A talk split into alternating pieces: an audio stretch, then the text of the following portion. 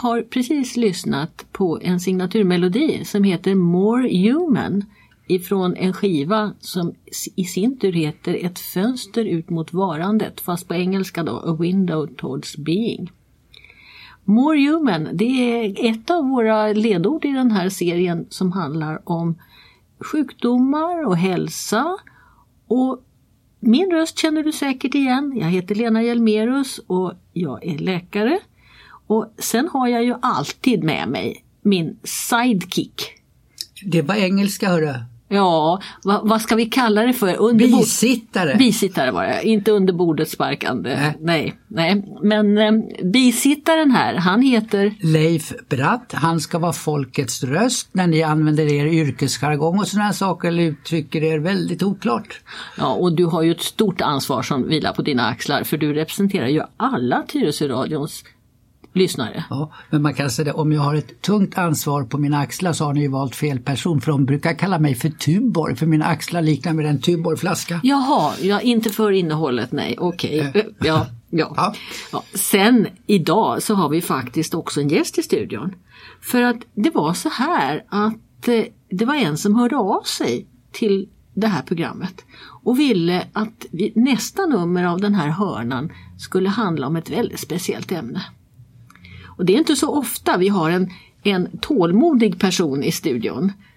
Uh, varför säger jag så nu då, Leif? Tålmodig? Ja, därför jag är sån här påhoppare som när du uttrycker det oklart så är jag där och hugger. Ja, eller skyddar vår gäst då. Nej, men du förstår, en tålmodig person det är en patient. Kan du ingen engelska? Patient. Aha, du var långsökt. Du skulle kunna bli ståuppkomiker. Ja, patient då är man tålmodig. Och i Sverige så måste man verkligen vara tålmodig om man ska vara patient. Tänk bara på hur länge man får vänta på akuten. Eller hur svårt det är att komma, få tag på någon på en vårdcentral. Vet du vad jag är döpt till där? Nej. Urgent. Urgent. Kallar de mig för. Jaha. Jag vill komma in så fort som möjligt. Ja, det är den som inte har någon begränsning. Inga gränser alls, inget tålamod. Då. då har vi en som är urgent och så har vi en som är patient. Nu får du berätta vem du är. Ja, jag heter Pernilla och eh, jag har varit patient i, vad ska man säga, två och ett halvt år nu när jag insjuknade, eller hastigt blev det ju en försämring i det som kallas för utmattningssyndrom nu för mm. tiden. Mm. Och det var ju inte en slump kanske att du sökte upp mig för vi känner ju faktiskt varandra lite grann. Precis. Och det ska vi väl också säga då i ärlighetens namn. Mm. Jättekul att ha dig här Pernilla! Mm, tack, det ska bli kul! Ja, som vi, alltså utmattningssyndrom, eh, tycker jag, som vi säger nu för tiden. Va? Nu är det någon som knackar. Då gör vi en liten paus. Jag tyckte du sa, eh, apropå det här ordet, att din diagnos är utmattningssyndrom, som det heter nu för tiden. Vad, vad, vad, vad, kallar vi det förut? Hur ska vi känna igen din diagnos? För, eh, för länge sedan så kallar man det ju mera utbränd. Och sen ja. har det ju funnits utbrändhetssyndrom och så har det funnits, eller det finns trötthetssyndrom. Och det finns massa varianter på det där. Ja. Men det som jag har eh, och många med mig och flera och fler som drabbas heter utmattningssyndrom. Men det är alltså likartat? Likartat men att det har bytt namn och nu har man väl kommit fram till att man använder utmattningssyndrom som Hopp. begrepp. Mm. Eh, då kanske jag ska förklara också att syndrom, då har man inte bara ett sy symptom utan man har flera symptom. Det är liksom en bukett av, av olika problem som tillsammans bildar en eh, ibland en sjukdom eller mera ett tillstånd kanske. Är det Ja det skulle jag nog kunna så det kan, Skriva under på. Det kan vi, mm. det, det, så kan vi enas om det. Mm. Och jag brukar ju alltid vara tvungen att läsa på lite för de här programmen så jag har läst på att det är nästan 200 000 människor i Sverige som har den här typen av problem. Och det är ganska mycket. Mm. Och det ökar dessvärre hela tiden. Men vad skulle du säga den här typen av problem, alltså vad är symptomen, alltså buketten? Vad, ja. Tulpaner, rosor, Pernilla, maskros? Mm. Nu får du berätta. Tistel vad... kanske? Ja, det var en stor bukett men den var inte så färggrann. vad, hur är det att ha, eller vad är det som är ett utmattningssyndrom? Ja, men det är ju många olika saker. Det är både fysiska, kroppsliga symptom eh, och psykiska symptom. Och det kan ju komma lite pö om pö, eller ofta gör det ju det, så att man tänker oftast inte som patient på att det, här, det är det här jag har. Att det är här utmattning, jaha, det är så tydligt är det inte. Utan det börjar lite smått, kanske en period med spänningshuvudvärk och sen en period kanske med migrän. Magen knorvar lite grann. Sömnen är, blir allt sämre. Man blir lätt irriterad. Svårt att komma ihåg saker. Svårt att koncentrera sig. Och alla de här sakerna gör att man får anstränga sig mer och mer och mer och mer. Plus att man ofta är en person med ganska hög nivå av eh, lägsta nivå så att säga. Man har ganska höga krav på det man presterar. Så Ja. det här blir en stor skillnad. Det blir stress hela tiden. Så mycket stress. Ja, och jag känner ju då dig sedan många år tillbaka. Vi har rört oss lite i samma eh, cirklar.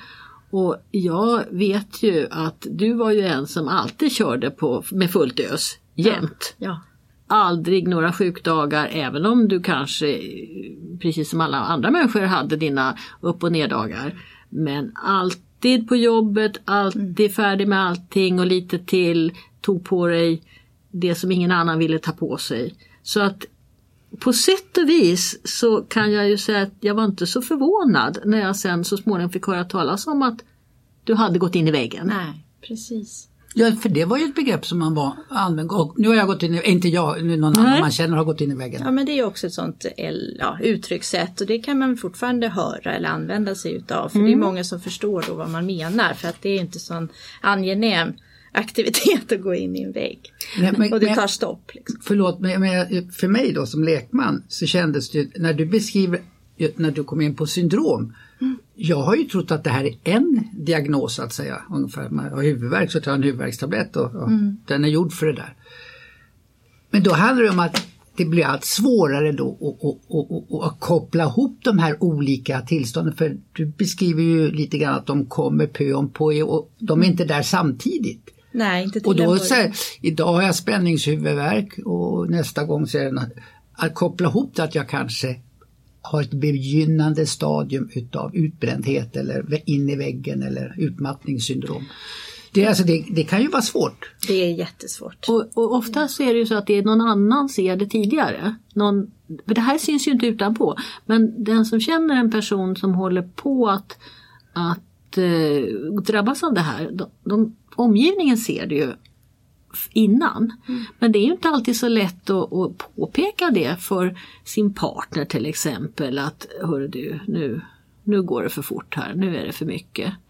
Nu är det för många måsten. Det, det här, så här behöver man inte stressa. Kan man säga sitter, man pratar ju ibland om positiv stress och negativ stress. Eh, och att positiv stress skulle vara något positivt då. då. Eh, det, min, min undran är så här, kan man säga att vi har vår kapacitet som människor är ganska likartad så att flitiga Lisa kommer ändå få betala sitt pris för att hon var överkaxig om jag du förstår vad jag menar? Ja, det- eh, eller har vi olika, nu menar, pratar inte jag om elitidrottsmän och sådana saker vanliga människor, har vi ungefär samma kapacitet? Alltså man tror ju att det här är kemiska eh, saker i hjärnan som händer. Hjärnan utsätts under en lång tid för för mycket av sådana här stresshormoner. Och det tål inte hjärnan riktigt. Och den tål det ett tag men sen så börjar det som, som, som du Pernilla säger smygande. Och när gränsen är nådd, när liksom sista droppen har fått det hela att urholkas, då, då har hjärnan väldigt svårt att ställa om sig igen till, till en mera, vad ska vi kalla det, normal nivå. För den är så van vid att det ska vara massor med stresshormon i, i omlopp hela tiden. Och nu får du rätta mig om jag har fel, men jag tror att det är också en av orsakerna till att det tar ganska lång tid att läka ett sånt här tillstånd. Därför att eh, hjärnan har liksom vant sig vid en sak och den, den gillar inte riktigt när, den, när det blir på det här sättet. Precis, man ser ju också på hjärnans eh, ja, avbildningar av hjärnan på olika röntgenundersökningar som MR eller PET. Olika undersökningar som man Ja. kan genomgå. Att det finns MR en, gissas så för magnetröntgen. ja, som säger magnetkamera. Ja. Ja. Och PET är väl positionsemissionstomografi eller något sånt där, men det behöver vi inte gå in på. Men eh, där ser man ju att det är delar i hjärnan som heter, ja, det kanske inte behöver gå in på heller, men hippocampus och talamus och lite olika delar i hjärnan. Som, eh, Är aktiverade. Eller? eh, nej, ja, som man Eller- ser minskar Aha. efter en sån här långtids stresspåslag. Och de delarna är då framförallt där man har eh, minne, känslor, planering, organisation, sådana saker. Så man kan verkligen se tydligt. Ja, det finns alltså ett organiskt underlag. Man kan med olika metoder visa att det här är ingen hittepåsjukdom. Och det här är, även om den inte syns utanpå, så är det faktiskt ett verkligt, eh, ett verkligt tillstånd. Och det, det är ett ganska allvarligt tillstånd just därför att eh, människor förmår inte klara den vanliga vardagen. Får jag då undra så här, jag kopplar ihop det här med buketten och att tidigt upptäcka. Så om man mer eller mindre regelbundet ha- har bara spänningshuvudvärk, då är det ingen bukett. Nej. Är Men det, det är själva knorren på det här att varning, väckarklockan, varningsklockan, det är att man har lite olika dålighetsperioder av, av olika slag. hos en person som är van att köra i 120. Ja, men det, är- det är buketten vi ska vara... Och Ja, upplever man buketten då, då, då ska man ta kontakt fortast möjligt innan. Ja och man kanske tar kontakt men man måste börja eh, fundera över sitt liv. Eh, Lite sj- Li- sj- själv, självhelande ja, därför att det är nog också så, eller det ska vi nog fråga dig, hur pass bra vården är på att upptäcka sånt här och, och vad har vården att erbjuda? Ja, jag arbetar ju som sagt var själv inom vården och eh, hade hand om väldigt många sådana här patienter. Eh, men jag förstod nog aldrig riktigt själv då vad det handlade om egentligen. Jag hörde att de sa att de var trötta, jag hörde att de sa att de inte fungerade i sin vardag och så vidare.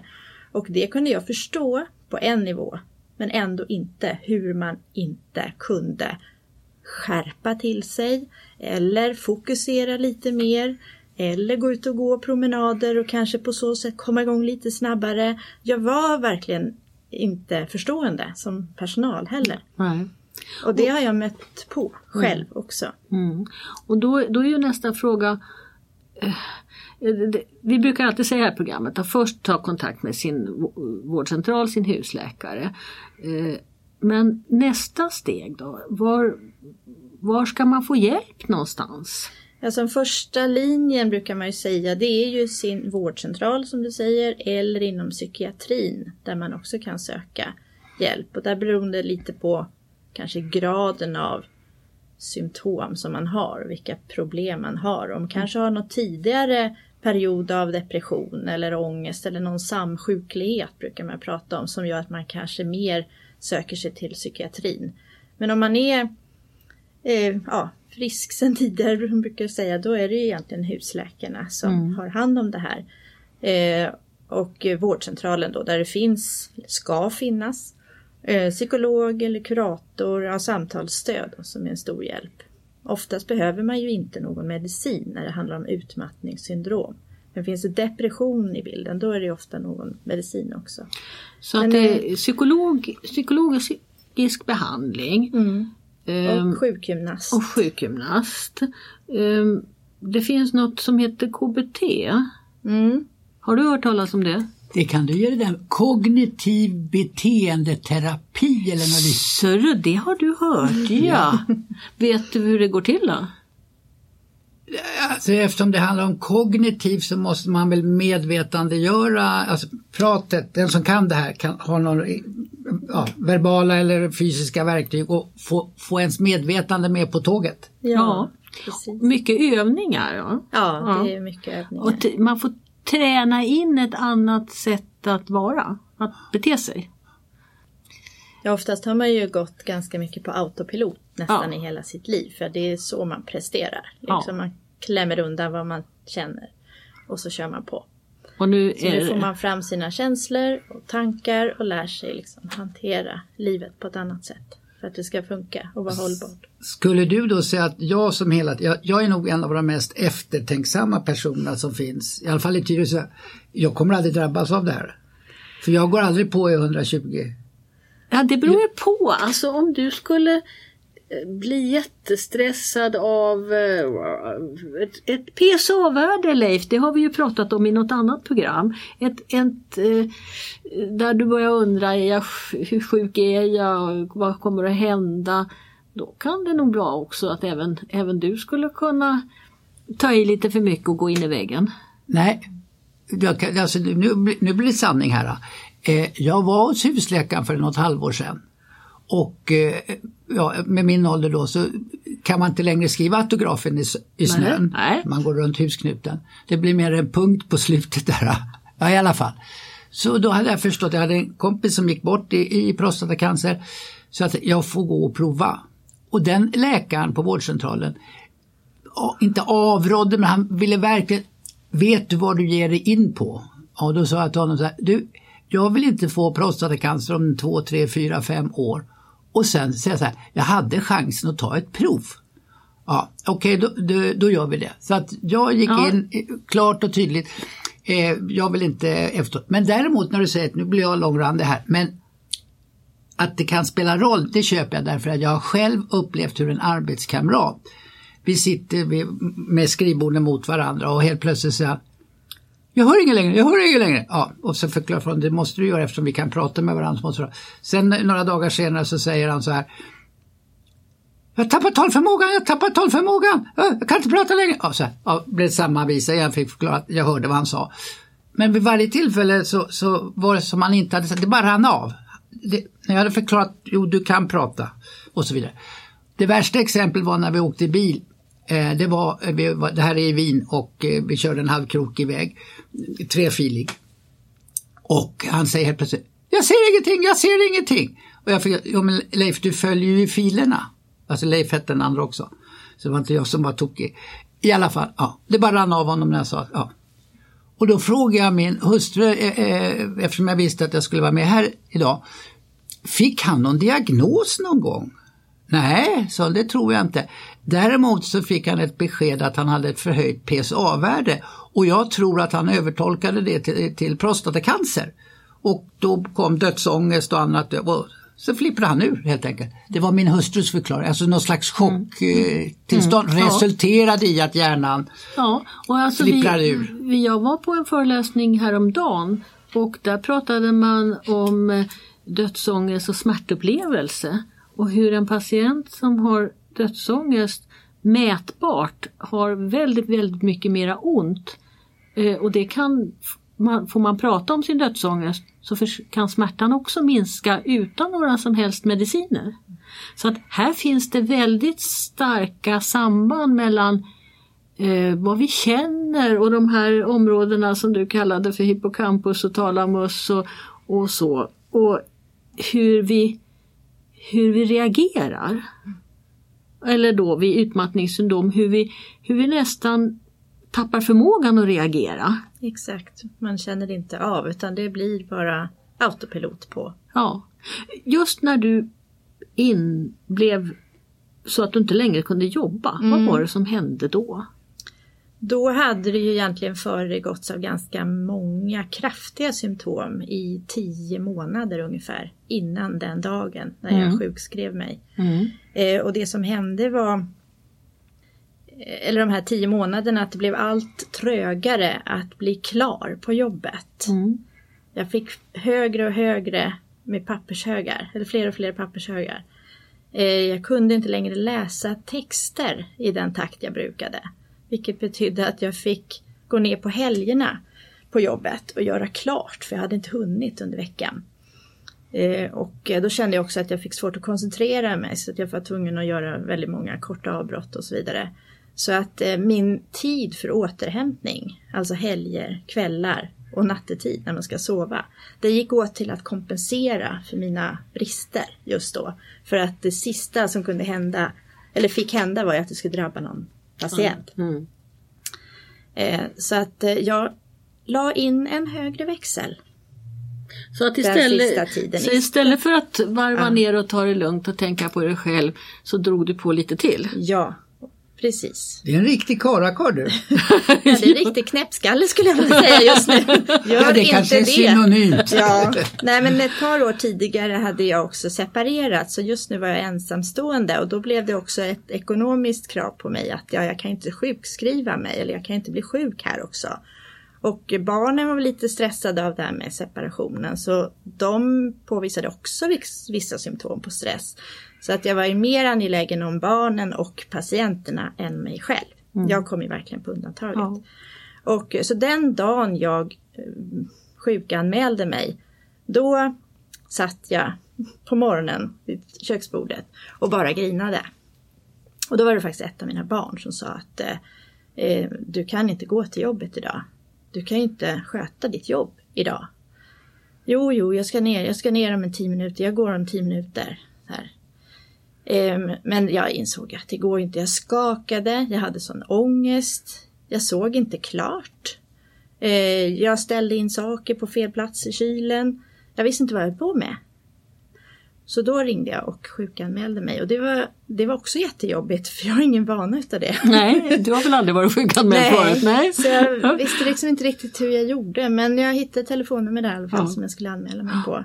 Och då gjorde jag det och sen sa jag att jag blev hemma, det här var en torsdag, jag minns det så väl, 5 juni liksom. Ja. Eh, och ofta minns alla de här som, Ja. som är som jag, Ja. ett exakt datum när det liksom tippade över. Ehm, så då sa jag att ja, men jag är hemma idag och imorgon så kommer jag på måndag. Men jag kom inte på måndag. Utan då ringde jag till en eh, läkare som sjukskrev mig på en gång på två veckor till att börja med så att hon hann träffa mig. Och ja, det var två och ett halvt år sedan. Jag har inte jobbat sedan dess. Nej. Eh, Men veckan före jag sjukskrev mig då hade jag också haft en panikångestattack. Jag hade aldrig haft ångest i hela mitt liv innan. Eh, Jag hade läst mig till vad det var och hur man hade, vad man hade för symptom då. Men jag hade aldrig haft det.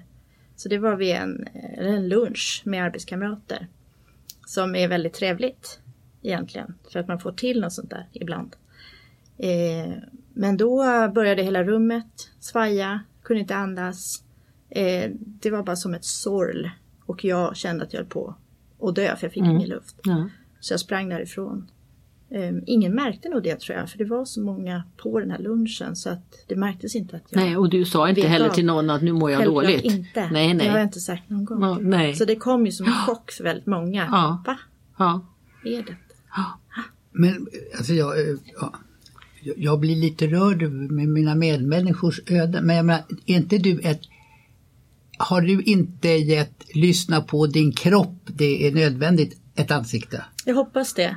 Det är det här är visserligen, ra- ja, det är visserligen radio, men priset du får betala. Ja, det är, det är därför jag vill vara med Ja. och prata om det här. För det är så många som drabbas och att man kommer på det för sent själv, att man ska göra någonting. Men också en sak på arbetsplatser, att ta hand om sina anställda och se när det kanske är lite för mycket press. Och att man också tar hänsyn till hur folk har det hemma eller ja, privat. Mm. För det påverkar också hur man klarar av sitt jobb. Det är ju, det är ju, arbetsplatsen är ju en stresssituation där vi tillbringar då ja, åtta timmar varje dag i alla fall de flesta. Eh, och sen så har man ju även hemmet och eh, eh, ja, nu när jag då har läst på lite så har jag hittat ett begrepp som heter hemstress. Och det är ju, här är ju många dubbelarbetande både kvinnor och män som eh, inte har så lätt att hantera den här hemstressen. Det är tvättstugan och det är ungarna som ska ha mat och det ska handlas saker och man ska iväg till eh, stora köpcentrum där det är stökigt, det är svårt att hitta parkering och det är mycket ljud i alla butiker och det är mycket ljus i alla, på alla ställen och hjärnan kan inte skydda sig mot alla de här intrycken Finns det inte en tredje faktor också om du pratar om jobb, hem så skulle jag vilja säga, eller gissa ska jag säga då, plånboksstress. Ja. Alltså om man, Oh ja. plånboken är tunn Ja. och det ekar i den den 20 varje månad. ja. Det måste väl också vara Det stressskapande? är jättestressande. Och jag kan också tänka mig att många då när man hamnar i det här läget som du beskriver när man liksom in, ingenting funkar. Då kanske man inte orkar, klarar av att hålla ordning på sin ekonomi och betala räkningarna och hyran och det som ska in och som man faktiskt aktivt måste eh, ta tag i. Får jag bara säga, det som slår mig också då när vi pratar om arbetsplatsen och dess stress. Jag gissar att de flesta utvecklingssamtal och lönesamtal Kanske ibland man kör dem samtidigt. Man säger så här, jo, du har varit duktig i år så du får 2% eller 3% till eller någonting sånt där. Men visst kan du lite bättre. Alltså hela tiden uppmuntras det här. Jag får löneförhöjning om jag presterar mer och mer och jag kanske får 4% för att jag ligger i toppskiktet. Jag får lite belöning för det. Så att hela arbetssituationen är ju också kopplad till Alltså att, att köra i 120 det betalar sig. Alltså kortsiktigt. Ja, och det finns också skrytet om hur man, hur man inte jobbar 40 timmar i veckan utan att man jobbar 80 timmar i veckan och i, i, i vår gemensamma bransch också hur mycket eh, jourer man går och hur mycket eh, jourkomp man har innestående är ju ibland en statusfaktor och inte ett problem. Eh, så att eh, det, det finns stress på många nivåer. Men nu, nu måste jag nog gå tillbaka till det här hur sen när man har fått då insett det här och fått en diagnos och fått en början på en sjukskrivning. Vad, vilken, vilken typ av behandling blir man erbjuden? Till att börja med är det egentligen bara att ge utrymme för att vila. Mm. Att försöka eh, sprida ut de här åtaganden man har kanske med att handla och laga mat och hämta och lämna barn om man nu har det. Men att försöka se över sitt sociala nätverk och försöka få ut det på andra så att man kan vila. Men om man är en sån här äh, ekorre då som springer runt, runt, runt, vad heter det, Duracellkanin. Kan man vila då? Nej, Vet man hur man gör? Nej, det är väldigt svårt för jag försökte även där vara en ja, duktig patient kan man säga. För jag visste ju hur man skulle göra, tänkte jag. Man ska gå ut i skogen och gå promenader. Det är viktigt. Man kan gå på yoga. Det är viktigt. Man kan lära sig avslappning. Jätteviktigt. Och så vidare. Satte upp ett schema för mig själv. Måndag gör jag yoga, tisdag gör jag vila, det och det, ut i skogen och så. Så att, nej, jag hade svårt att vila till en början för man är så uppe i varv så det går inte. Nej, du planerade istället så en massa saker som du skulle passa på att göra. Ja, för jag visste att det är bra för kroppen och hjärnan och då kanske jag kan komma tillbaka snabbare. Jag har suttit och läst en jättefin liten broschyr som man har gett ut i Göteborg. Och det handlar väldigt mycket om, eh, ja jag ska säga först vad, kanske vad den heter om jag hittar det pappret nu här. Vad händer när hjärnan inte orkar? Strategier vid hjärntrötthet. Och där finns det ett långt avsnitt om planering och där ska man då planera för att orka, planera för att hinna, planera för att göra. Men man måste också planera in att inte göra saker. Och det kunde inte du i början? Nej, då? det kunde inte jag i början för det hade inte jag gjort har du aldrig gång i gjort. livet Nej. vad jag minns. Nej. Och det är det som om man bara kopplar tillbaka till det som du sa om positiv och negativ stress. Det är, vi är ju egentligen utrustade med att ta hand om stress, den akuta stressen. Och även lite negativ stress.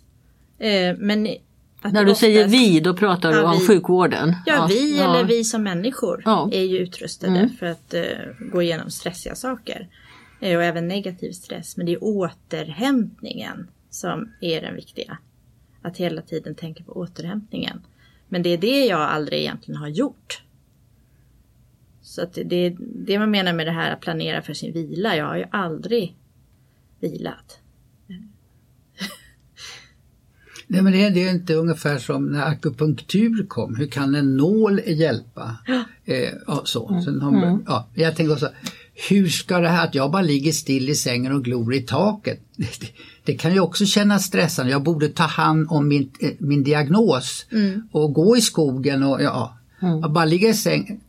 Hur ska det kunna bota mig? Det, det är ju svårt att ta till sig. Mm. Och då, då finns det något spännande här som heter mindfulness. Och det betyder på svenska? Ja, vad betyder det på svenska? Pernilla, hjälp! Ja, det är egentligen medveten närvaro. Mind är ju hjärna och ja. fullness det är liksom att man är uppfylld av någonting eller att man är närvarande. Så det blir medveten, medveten närvaro, närvaro brukar man översätta det till. Och det har du nu? Ja, jag har börjat gå en eh, ny kurs kan man säga eh, i det via min läkare. Så att jag har ju under de här två och ett halvt åren har jag ju gått en liknande kurs tidigare. Eh, men nu fick jag chans att gå en till så den tog jag förstås. Eh, och jag har varit två gånger på det. Vad, vad går det ut på? Alltså, vad, vad, vad ger det som inte annan behandling har gett? Skogspromenader och sånt? Ja, det man har sett är ett eh, åtta veckors program som är upplagt på ett eh, visst sätt med eh, yoga, meditation, och också att man övar på de här sakerna minst 45 minuter varje dag. Så att det är 45 minuter varje dag med meditation och yoga i olika former. Och det har man sett på de här åtta veckorna att det kan öka storleken i det här hippocampus. Det vill säga att man kan nybilda hjärnceller. Vilket också borde betyda att man kan få tillbaka sitt minne och sin organisationsförmåga och så vidare och reglera ganska... ner det här stresshormon eh, inställningen i hjärnan. Precis. Så att den blir lite mera eh, frisk igen. Ja, och att man eh, eh, får det här eh, lugnet i kroppen och att man kan få sitta och vara utan att behöva prestera. Att man lär sig det helt enkelt. Börjar du känna ett litet frö av att det här funkar? Ja, jag tror faktiskt det. Eh, inte just att det här de här två gångerna att det funkar. Nej. Men de här två och ett halvt åren som jag ändå har haft det här i mitt tänk. Mm. Det börjar ju ge resultat nu. Oh. Att jag inte har samma eh, driv att prestera. Att jag duger faktiskt utan att prestera. Det tog några år. Jag brukar säga när jag gör radio så här att jag har åkt på en räkmacka, jag har aldrig behövt prestera själv. Jag har åkt med i stort sett hela mitt liv. Ja. Men eh, det, det, här är viktiga saker för även om man som du Leif då har en, en eh, medfödd förmåga att, att inte stressa och att åka med så kanske du stöter på människor i din omgivning. Det kan vara dina barn eller dina barnbarn eller någon annan eh, där det är viktigt också att kunna känna igen det här och att eh, eh, kunna stötta i, i det här att planera att inte göra, att det är helt okej okay att planera att inte göra någonting. Mm. Nej men också det som jag tycker om med de här programmen det är just att vi får veta tecken. Så att mm. jag som anhörig kan vara med på resan mm. och vara den. Det här, att det var en bukett av mm. symptom mm. hade ju inte jag en aning om utan Eh, för mig är det ungefär så här eh, utbrändhet. En dag eh, reser sig knäppskallen upp ur sängen och säger, vad fan är det här? Mm. Vad är jag med om? Alltså, mm. bort, hjärnan är på något sätt bortkopplad. Den lever ju men de är mm. bort. Jaha, du har gått in i väggen du. Alltså, mm. Man skulle ju velat sett det lite innan och jag tycker mm. du har bidragit med det. Mm. Just att det är en bukett. Mm. Och då ska jag börja reagera som anhörig. Mm. Mm. Sen jag tycker ju att det här med internet är ju, det har ju sina sidor men ibland är det bra och det finns på 1177 finns det väldigt mycket kloka saker skrivet om utmattningssyndrom. Och jag pratade om Göteborg och den länken heter www M som är Martin, F som är Fredrik, punkt G som är Göteborg, U som är universitet.se. Och där finns det rätt mycket material. Och sen finns det någonting som heter stressmottagningen.se. Och det är här i Stockholm, det är Stora Karolinska Universitetssjukhusets eh, program och mottagning. Och där finns också väldigt mycket klokt att läsa. Och där finns också lite grann av mina älskade de här listorna som man ibland eh, viss hatkärlek till när man ska fylla i en lista om sig själv. Men där finns det det här hur man kan sätta kryss i och se, börjar man närma sig alla de här lite diffusa sakerna som jag upplever, börjar man jag närma mig någon slags kritisk gräns. Pernilla, du vet mer vad de där skalorna heter. Eh, men de, går, de är ganska lätta att hitta. Ja, den som är vanligast som man används både som privatpersoner ute på nätet eh, och på stressmottagningen heter KEDS. K-E-D-S, stora bokstäver. KEDS. KEDS. Och, och där är det eh, nio olika saker som man får gradera sig själv. Och sånt som koncentration och sömn förstås, minne, här, lite grann det här som jag var inne på, ljud och ljuskänslighet. Trötthet förstås. Mm. Så att där kan man själv se eh, var hamnar jag på den här skalan och så kan man se oj, nu måste jag nog ta det lugnt. Den här julen ska jag inte göra så mycket, jag ska ta det lugnt. Ska vi avsluta programmet där kanske? Mm. Och så får vi återkomma till dig lite senare någon gång och höra hur det går. Ja, absolut. Jaha. Leif, har ja, du, har du nej, fler jag, frågor? Jag blir jätteglad att höra och jag är jätteglad att jag får sådana här, ja det går att fixa till. Ja, men det tar lite tid. Ja, ska... ja men att det går. Ja, det går. Mm. Man ska ha respekt för det och det är en riktig sjukdom. Det är inget hittepå utan det är faktiskt så att det är en riktig sjukdom. Mm. Då stänger vi hörnan för idag. Och så kommer det en hörna till före jul men vi avslöjar ingenting om innehållet än va? Nej. Nej. Tack för idag. Tack.